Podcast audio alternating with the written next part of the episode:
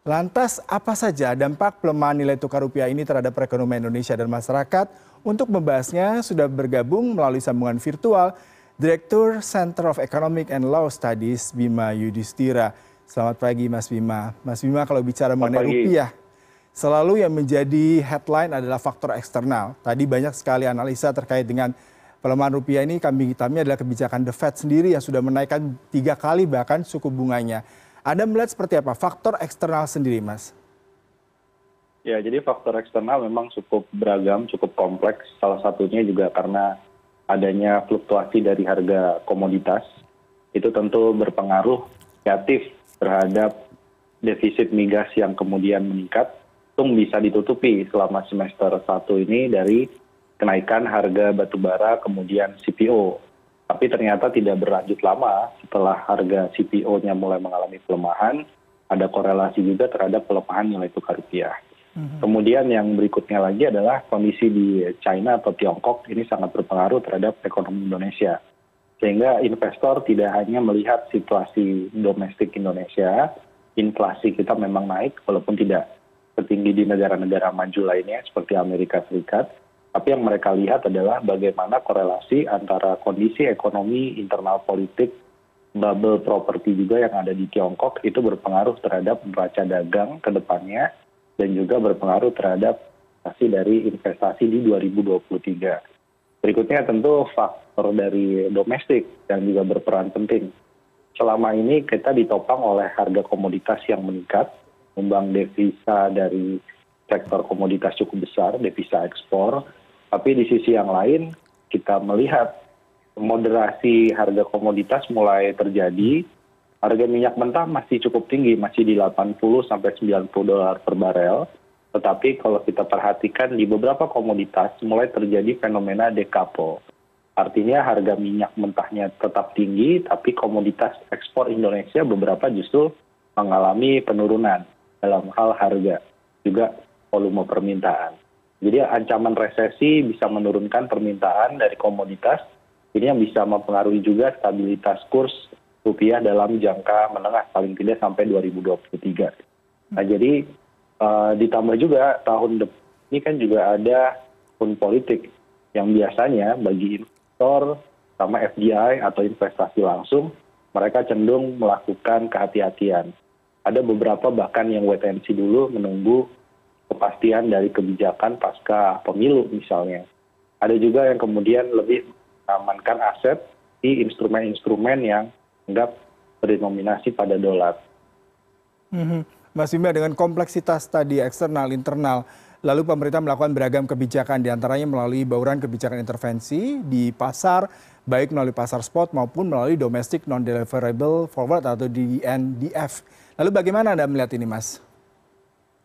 Ya pertama dari sisi suku bunga ya suku bunga kita melihat bahwa apa yang dilakukan bank indonesia dengan menaikkan suku bunga secara kontinu dan juga relatif agresif ya 50 25 basis poin kenaikannya itu bisa memperlebar spread atau jarak antara suku bunga acuan Indonesia dengan suku bunga dari negara maju dari Fed rate. Tapi ini pun juga tidak cukup dari instrumen moneter ini harus didukung juga oleh relaksasi relaksasi di sisi fiskal. Salah satunya adalah menjaga pertumbuhan ekonomi yang relatif lebih positif. Bisa terjaga di lima persen caranya adalah dari sisi relaksasi pajak harus dilakukan. Jadi moneter tidak bisa berdiri sendiri. Hmm. kemudian relaksasi pajak misalnya terkait dengan lebih banyak lagi devisa hasil ekspor dari bara dari komoditas perkebunan itu yang bisa segera dikonversikan ke kurs rupiah ini yang salah satu yang jadi pr sejak lama hmm. itu butuh uh, insentif dari sisi fiskal kemudian juga kita melihat kalau ada ancaman resesi maka akan terjadi pengalihan basis produksi pengalihan relokasi pabrik dari negara-negara yang terkena resesi ini mau pindah ke mana basis produksinya. Hmm. Nah ini tentu kesempatan juga untuk menangkap devisa dari sisi realisasi investasi asing nah ini yang perlu kemudian direncanakan kawasan industrinya infrastruktur pendukungnya. Dan ini artinya harus ada penguatan secara fundamental.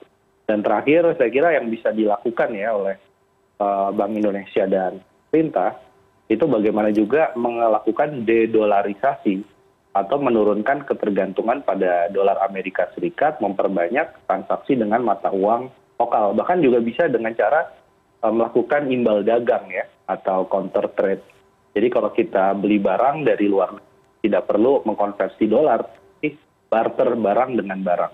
Itu mungkin yang juga harus didorong ya mas bima dengan beberapa variabel yang tadi anda katakan variabel mungkin yang terakhir yang saya rasakan masih bisa dalam waktu dekat bisa dilakukan untuk memantau dan mengontrol dolar terhadap rupiah. Lalu dengan kebijakan tadi relokasi sementara kita tahu investor melakukan risk off tidak ingin menempatkan dananya di emerging market di negara negara berkembang seperti indonesia.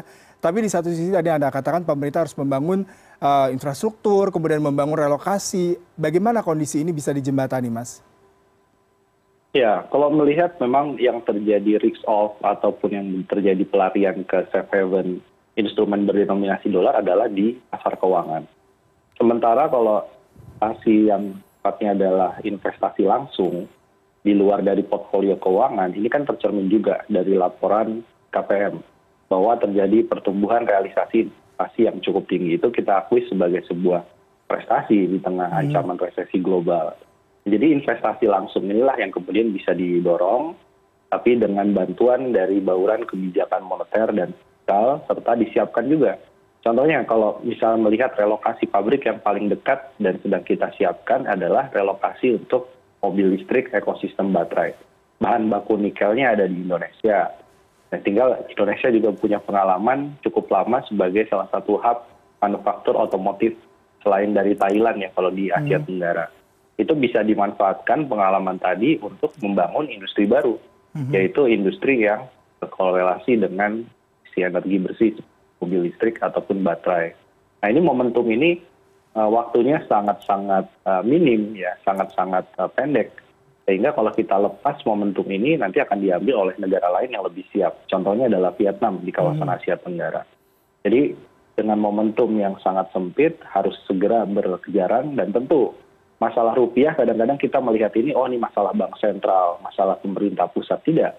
Tapi masalah rupiah masalah transaksi berjalan itu juga kewajiban tanggung jawab dari pemerintah daerah. Ada investor mau masuk mau investasi bawa miliaran dolar pertanyaannya pemerintah daerahnya siap atau tidak. Nah menerima dolar sebesar itu kan begitu. Jadi ini adalah kerjasama dari bauran semua pihak saya kira terutama investasi langsung baik terima kasih mas bima yudhistira untuk perbincangannya pagi ini terhadap pelemahan rupiah dari dolar amerika serikat. Selamat pagi mas. Selamat pagi